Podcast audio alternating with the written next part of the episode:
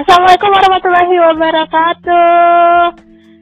Ya, jumpa lagi dengan aku Afisa dan kali ini aku bakalan uh, berbincang-bincang dengan salah seorang teman dari Polman alias polisi mantan. Eh bukan ya, Poliwali Mandar, Sulawesi Barat. Ada Kak Fadil. Kita sapa dulu ya Kak Fadil. Halo Kak Fadil. Halo. Bagaimana kabarnya nih? Alhamdulillah, kabar baik. Gimana sih Pak kabarnya? Alhamdulillah, aku juga baik. Sibuk nggak nih malam hari ini? Uh, untuk sibuk, ya kayaknya nggak sibuk ini karena cuma lagi santai-santai. Oke deh. Jadi di kesempatan kali ini aku pengen berbincang-bincang sama Kak Fadil ya. Boleh kan? Eh, berbincang-bincang mengenai apa dulu Mengenai cerita mistis. Wow. Ini cerita mistis, mistis ini kisahnya Afifa ya? Iya, kisahnya Kak Fadil lah. Oh. Iya, jadi Kak Fadil pernah nggak nih mengalami selama hidup di dunia ini sejak lahir sampai detik ini mengalami kejadian-kejadian yang menyeramkan, yang horor gitu kan? Pokoknya yang ada kaitannya dengan uh, makhluk halus gitu deh. Alhamdulillah selama aku hidup di dunia ini karena aku hidup baru beberapa saat yang lalu. Serius Jadi, Alhamdulillah selama hidup di dunia ini sampai detik ini mengalami hal-hal yang dipertanyakan itu belum pernah semacam bertemu jangankan mak makhluk halus mm-hmm. makhluk kasar pun ini belum pernah ini jadi ya alhamdulillah selama berapa tahun saya hidup di dunia ini belum pernah mengalami kejadian-kejadian atau hal-hal yang sifatnya bisa mengundang bulu kuduk saya berdiri seperti itu. Ya, tapi Kak Fadil percaya nggak sih kalau yang namanya makhluk halus tuh ada? Uh, percaya tidak percaya, kita memang mesti percaya karena di dalam Al-Quran sendiri begitu jelas uh, digambarkan bahkan ada salah satu surah dalam Al-Quran tepatnya itu surah Al-Jin yang mengisahkan tentang kehidupan uh, makhluk lain selain makhluk uh, manusia itu sendiri. Jadi percaya tidak percaya kita mesti percaya bahwa makhluk halus itu ada. Hmm, ya ya ya.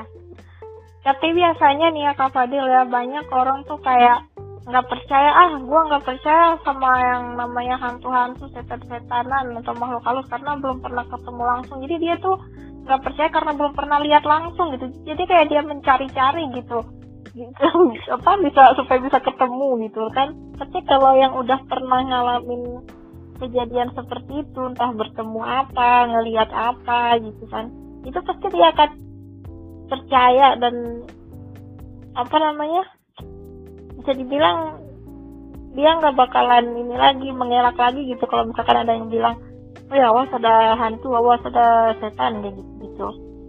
nah kalau misalkan kayak yeah. Kak Fadil kan uh, belum pernah nih ketemu sama yang makhluk-makhluk gaib kayak gitu tapi Kak yeah. Fadil juga mempercayai keberadaan mereka itu gimana tuh Kak Fadil?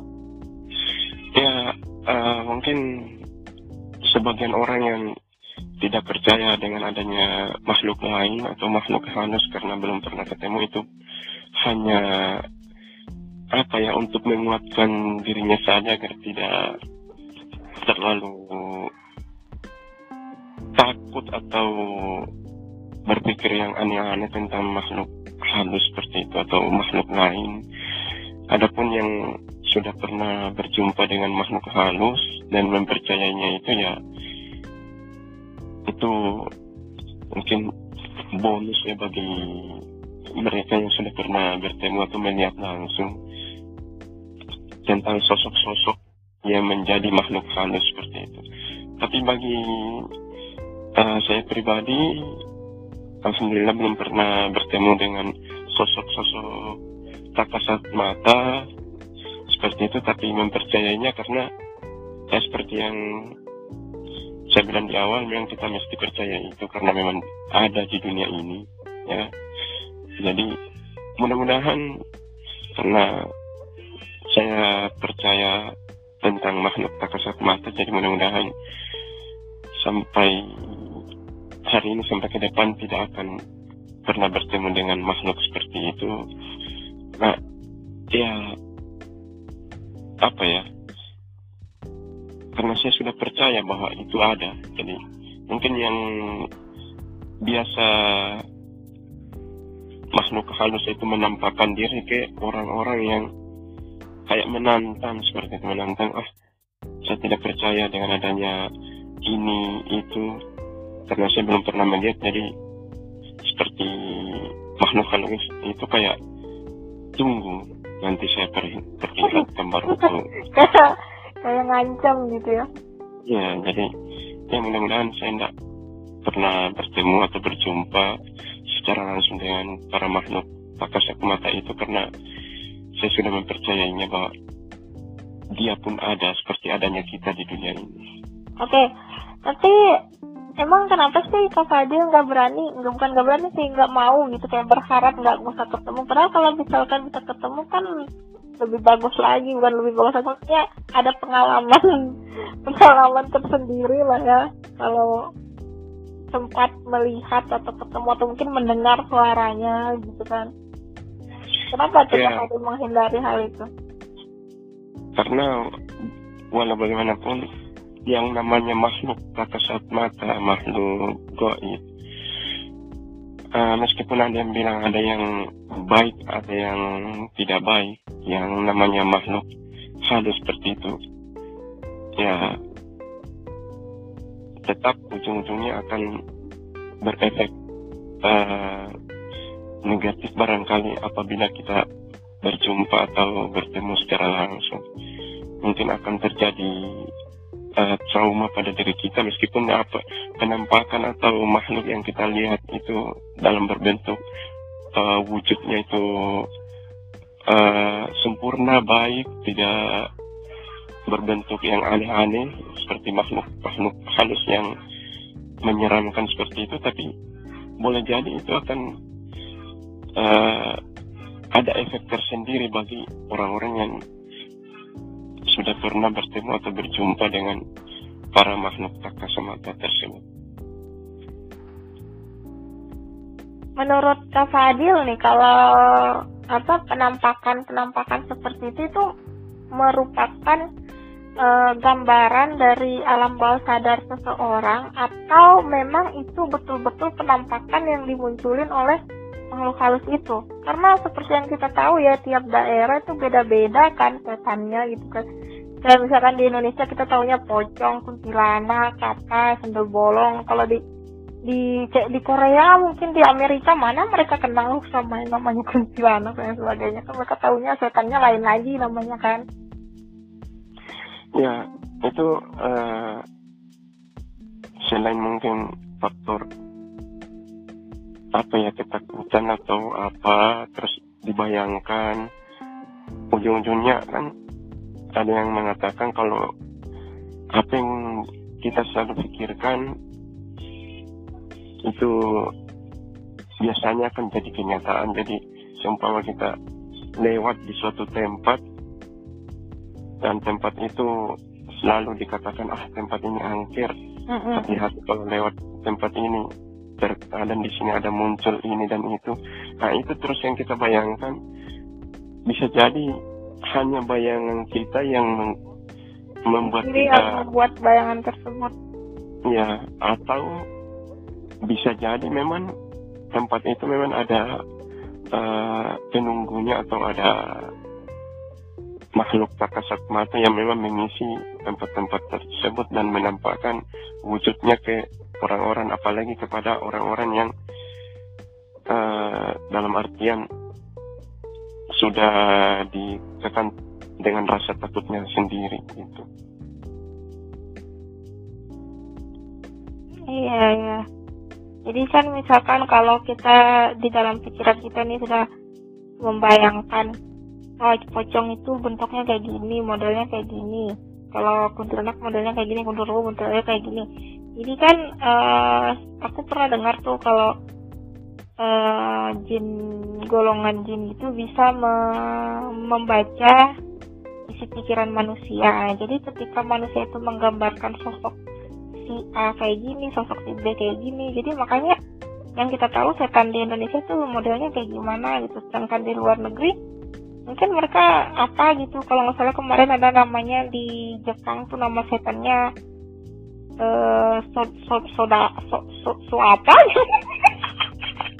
yang jelasnya nama setannya bukan sedekah kan ya pokoknya itu adalah gitu namanya kan Iya, saya, saya pernah dengar nama setan-setan di Jepang itu tapi lupa juga. Di... Sodako, kalau salah Sodako. Oh, apa lagi ya? Ya macam-macam lah itu kan. Jadi kan karena kita sudah menggambar di pikiran kita sudah menggambarkan seperti itu ketika dibaca isi pikiran kita kita oleh si makhluk halus itu makanya dia tuh memang betul-betul memperlihatkan apa yang ada di pikiran kita itu. Nah itu nah mungkin kayak uh, contoh di beberapa daerah di Indonesia juga ada kayak dikatakan setan endemik ya. Hmm. ini setan corona. Ini setan endemik karena di beberapa daerah yang berbeda itu setannya uh, apa makhluk halusnya atau makhluk kasat matanya itu berbeda-beda. Meskipun tetap uh, itu satu satu rumpun ya sama-sama setan juga tapi namanya beda-beda. Mungkin kayak contoh di daerah Kalimantan terkenal dengan uh, apa namanya kujang ya? Apa sih? Iya. Kuyang kuyang ya kuyang terus kalau di daerah Sulawesi sendiri itu terkenal dengan bahkan pernah dibuat filmnya juga uh, Parakan itu. Bahkan dibuatkan uh, ceritanya juga. Terus kalau di apa di daerah lain lain lagi kisah-kisahnya seperti itu. Jadi itu kenapa dikatakan sebagai setan endemik seperti itu? Karena ya hanya di tempat itu saja kayak di Kalimantan kuyang gitu. Kan enggak enggak ada kuyang di Sulawesi kalau tidak salah. Hanya ada di Kalimantan. Jadi ya itu apa ya? Kayak kita sendiri yang membuat deskripsi setan-setan itu seperti itu jadi ya mereka berwujud dari hasil deskripsi yang kita buat. Mm -hmm, ya dari apa yang kita bayangkan apa yang kita iya. pikirkan jadi dia membuat nyata gitu iya Oke Kak Fadil, terima kasih atas bincang-bincangnya malam hari ini. Oke, sama-sama. Mudah-mudahan tidak pernah bertemu dengan makhluk. Iya, semoga ke depannya tidak pernah bertemu dengan tapi uh, sebelum sebelum perbincangan ini diakhiri saya penasaran dengan Afifah sendiri apakah sebelumnya sudah pernah mengalami hal yang Afifah tanyakan di atas tadi atau seperti apa dan apakah di daerah Afifah sendiri ada setan endemiknya juga seperti itu? Setan endemik tuh gimana sih modelnya setan daerah gitu ya? setan daerah gitu nggak ada sih paling setan-setan di sini pocong apa kayak gitu-gitu yang ya ya biasa kita nonton-nonton di TV yang sering digempar-gemborkan oleh orang-orang itu juga yang ada di sini. Hmm. Mungkin di sana ada setan alas kan? Biasa juga dasar kau setan alas nih. Tapi pernah mengalami hal eh, bertemu atau mendengar atau merasakan? Kalau mendengar pernah ya, kayak seolah-olah ya entah itu bayangan apa gimana ya pokoknya pernah lah gitu dengerin kayak suara orang loncat-loncat gitu kan. Tapi loncat-loncatnya tuh nggak kayak orang loncat biasa gitu nggak kayak orang yang kayak kayak, kayak loncat-loncat di dalam karung gitu kan. Wow. Eh, iya mungkin masa ya ada orang lompat karung tengah malam kan aneh kan? Hmm.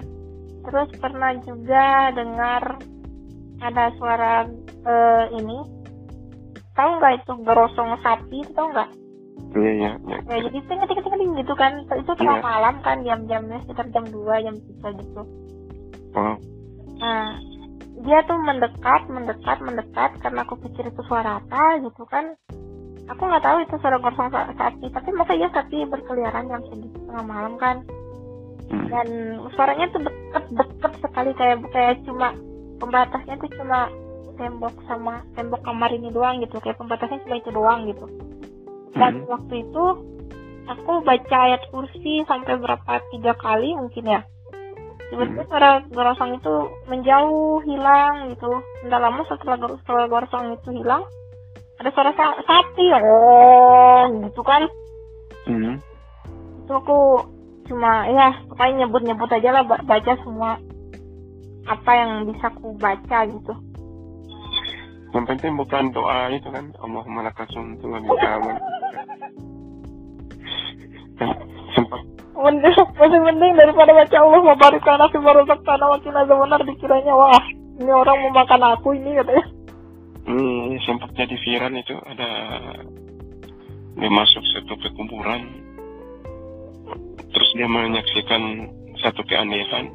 Mungkin saking tidak tahunya mau baca apa ya dia baca itu itu sempat viral beberapa waktu yang lalu. Hmm, jadi lanjut ceritanya. Udah itu aja. Oh gitu. Jadi dari suara dari ini juga pernah sih dari sentuhan gitu kan. Itu waktu sentuhannya kayak gimana? Dulu pernah kan pas biasa lah kan kalau di sekolah-sekolah itu suka dengan bilang sekolah angker apa lagi gitu. Ya bukan Mhm. masalah sekolah angker apa atau apa sih kayaknya semua bangunan itu pasti ada penghuni lainnya gitu selain manusia gitu kan. Kayak cuma iya. sekolah tapi rumah-rumah kita bisa jadi juga gitu. Apalagi tempat-tempat yang jarang diisi gitu kan. Mhm.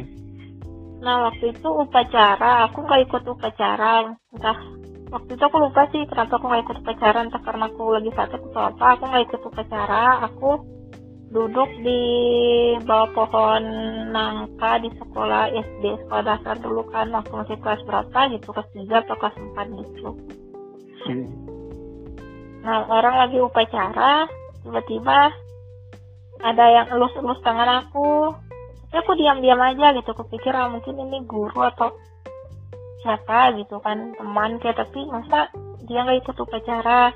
Sempat aku ajak ngomong juga sih bilang siapa hanya siapa ini siapa tapi dia nggak nyaut dia tetap elus-elus tangan aku di elus dari tangan. Tangannya halus sekali gitu kecil gitu. Hmm. Ah mungkin itu eh, temannya yang tunarungu barangkali yang tidak bisa mendengar tuh ya, tidak bisa bicara gitu. tidak tidak tidak tidak. Waktu itu aku belum sekolah di SLB Oh belum sekolah di SMP. Nah, masih nya, masih nya, masih sekolah bareng sama anak kawas waktu aku baru-baru jadi buta lah belum masuk SLB Hmm. Hmm. tuh kalau ajak ngomong nggak pokoknya lama itu kejadiannya nggak naik lebih dari lima menit mungkin pokoknya pas bubar ini orang upacara baru dia selesai aku tanya sama orang-orang yang lihat kan aku kan duduk di bawah pohon nangka itu pohon nangka itu bukan tempat tersembunyi kan masih di dekat-dekat lokasi upacara itu. Kalau- waktu aku tanya ke orang-orang tadi aku di bawah pohon nangka duduk sama siapa dibilangnya aku duduk sendiri. Oh, mungkin itu eh, penunggu pohon nangkanya mungkin. Kurang aja. Memberikan memberikan ini sabar ya sabar ya gitu. Jadi jadi usap Udahlah. Usah dibahas lagi merinding tahu udah tengah malam nih. Oke Kak Fadil, makasih ya atas perbincangannya. Kita tutup aja untuk pembicara, per, per, pembicaraan soal pengalaman-pengalaman uh, mistis yang pernah pengalaman-pengalaman horor yang pernah dialami gitu ya. Mohon maaf udah mengganggu waktunya. Oke. Okay. Terima kasih. Wassalamualaikum warahmatullahi wabarakatuh. Waalaikumsalam warahmatullahi wabarakatuh.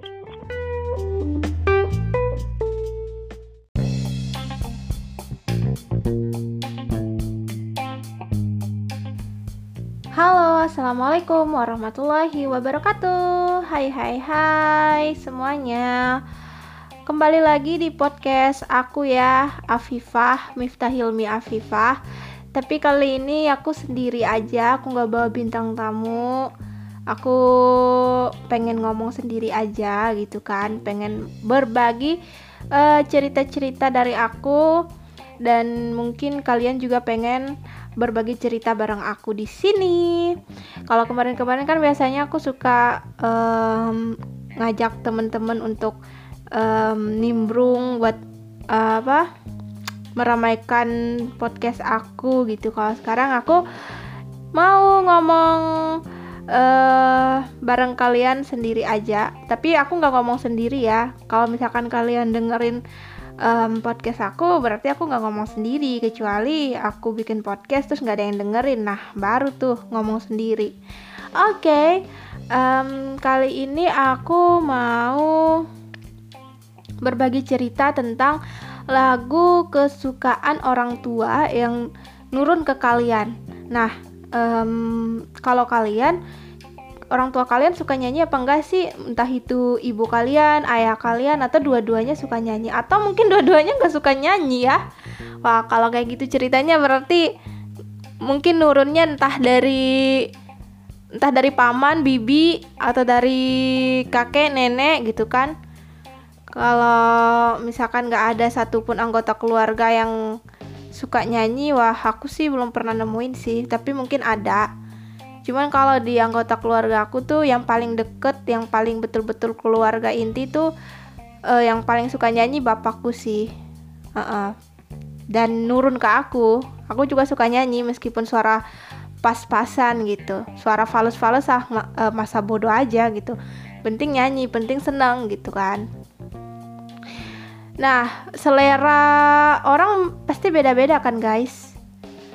Um, apalagi uh, apa seiring perkembangan perkembangan zaman, kemajuan-kemajuan musik dari zaman ke zaman, dari eh, apa tahun ke tahun gitu kan ya. Pasti beda lah uh, lagu zaman sekarang dengan lagu, lagu zaman uh, orang tua kita mungkin masih remaja gitu ya. Dan nggak uh, menutup kemungkinan juga kalau di eh, tahun-tahun sekarang ini 2021 ini masih ada yang suka denger lagu uh, zaman dahulu atau lagu-lagu nostalgia, lagu-lagu tembang kenangan gitu ya. Meskipun masih maksudnya uh, apa usianya seusia anak-anak KBG sekarang gitu. Ya itu sih tergantung selera ya. Kita nggak bisa menyalahkan selera orang gitu. Jadi jangan misalkan ah lu uh, wong deso gitu suka dangdut atau ah lu um, apa namanya katro sukanya lagu zaman dahulu yang nggak bisa gitu juga gitu karena kan um, setiap orang beda-beda seleranya nah kalau aku sebenarnya aku tuh suka lagu aku sih uh, kalau musik itu emang uh, millennials banget ya. Aku suka Korea Koreaan gitu kalau lagu-lagu gitu kayak um, pokoknya lagu-lagu Korea terus aku suka lah. Gak usah aku sebutin uh, satu-satu soalnya banyak banget sih. Pokoknya kalau dari Korea itu biasanya teman-teman suka banyak yang suka drakornya atau artisnya atau fashionnya. Aku tuh lebih suka ke musik musik dari musik K-pop gitu terus uh, pop Indonesia juga aku suka pop barat juga aku suka tapi yang pop kekinian gitu loh. Um, pokoknya lagu-lagu baru aku selalu ngikutin gitu. Kalau lagu tembang nostalgia aku kurang terlalu mengikuti cuman nah seperti kembali lagi dengan uh, topik pembahasan kita ya yang aku bilang tadi uh, di awal-awal tadi lagu atau apa ya bahasanya tadi? Pokoknya uh, lagu kesukaan orang tua kalian yang menurun ke kalian yang mungkin karena kalian sering denger ya sering dengar orang tua kalian nyanyi lagu itu atau sering orang kalian mendengar orang tua kalian nyanyi lagu-lagu dari salah satu penyanyi legendaris gitu ya. Jadi kalian kayak ter apa ya bahasanya ya kayak terkontaminasi mungkin ya. Pokoknya kayak ikut-ikutan jadi suka juga gitu karena sering denger. Nah, seperti mungkin uh, orang tua kita ada yang suka kayak kalau dari Indonesia ya mungkin Nika Ardila gitu ya. Uh, terus Krisye um, terus kalau dangdut dangdut mungkin Roma Irama terus Imam S. Arifin gitu ya Elvi Sukaisi. Kalau My Father um, semuanya sih soalnya aku uh, koleksinya dia tuh banyak banget ya. Ada mungkin seribuan koleksinya itu. Dan artis-artis yang aku sebutin tadi tuh kayak Nika Ardila um, Krisye terus apa lagi ya? Eh kalau Krisye aku belum pernah dengar sih koleksi dia. Pokoknya uh, Nika Ardila yang pernah aku dengar koleksinya papaku itu. Terus Imam S. Arifin Roma Irama uh, Yus Yunus kayak gitu-gitu uh, kalau lagu baratnya kayak Scorpion. Um, ada juga Richard Mart itu ya. Richard Richard apa sih namanya tuh? Aku lupa namanya. Uh, papaku suka lagu barat-barat juga tapi yang sering aku denger tuh Scorpion sih. Mungkin karena itu aku tahu namanya kali ya. Yang lain-lainnya aku uh, kurang familiar sih sama namanya gitu. Sama yang nurun ke aku saat ini tuh lagu Iwan Fals nah papaku tuh banyak sekali koleksi Iwan Falsnya dan sering juga dia nyanyi-nyanyi, sering juga dia karaoke-karaoke, sering juga dia puterin entah itu di salon, di laptopnya, di mobilnya. Jadi aku kayak sering dengar dan kayak mem memperhatikan terus gitu lirik-liriknya dan kayak asik juga ya gitu. Ya mungkin kalau dari musiknya karena zaman dahulu gitu ya. Jadi mungkin kurang serak. Tapi kalau dari segi bahasa yang digunakan itu uh, emang betul-betul mudah dipahami dan ngena juga sih makanya banyak orang bilang kalau lagu-lagu zaman dahulu tuh uh, lebih gampang dihafal dan uh, bahasanya itu lebih lebih indah lah gitu ya bisa dibilang seperti itu nah jadi aku tuh sekarang ikut-ikutan koleksi One Fals tapi nggak sebanyak yang dikoleksi sama papaku ada beberapa yang aku suka gitu kayak bento aku koleksi aku suka dengar juga bento tikus-tikus kantor terus uh, apa sarjana muda um, mata indah bola pimpong itu lagu-lagu Iwan Fals. Dan kalau aku dengar kalau misalkan aku bisa ngikutin liriknya sedikit-sedikit ya aku ikut nyanyi juga. Gitu deh. Nah buat kalian apa kira-kira lagu kesukaan entah itu mama papa kalian atau uh, kakek nenek kalian atau siapa pun itu dari keluarga kalian yang nurun ke kalian yang padahal sebenarnya kalian tuh nggak suka awalnya. Tapi karena mungkin sering denger atau mungkin bisa dibilang kayak menular gitu ya jadi ikut-ikutan suka deh. Nah kalian boleh sharing bareng aku ya dan itu dia cerita dari aku untuk hari ini. Semoga bisa menghibur kalian bisa mengisi uh, apa ya? Mengisi apa nih?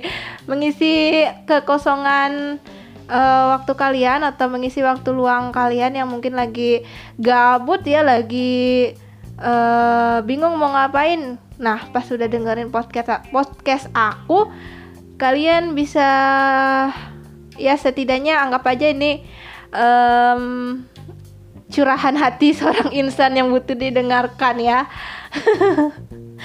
Iya kita berbagi cerita lah. Soalnya kalau kita nggak bagi cerita tuh kita kayak nggak punya temen gitu ya. Karena kayak kalau misalkan kita nggak bagi cerita apa pun itu baik itu cerita cerita suka atau maupun duka kalau kita pendem-pendem aja bisa-bisa jiwa kita penuh ya. Mending kita uh, salurkan entah itu lewat kalau nggak ada teman ngobrol ya udah deh salurkan lewat media-media uh, sosial entah itu berupa audio berupa video atau berupa tulisan berupa audio visual gitu kan.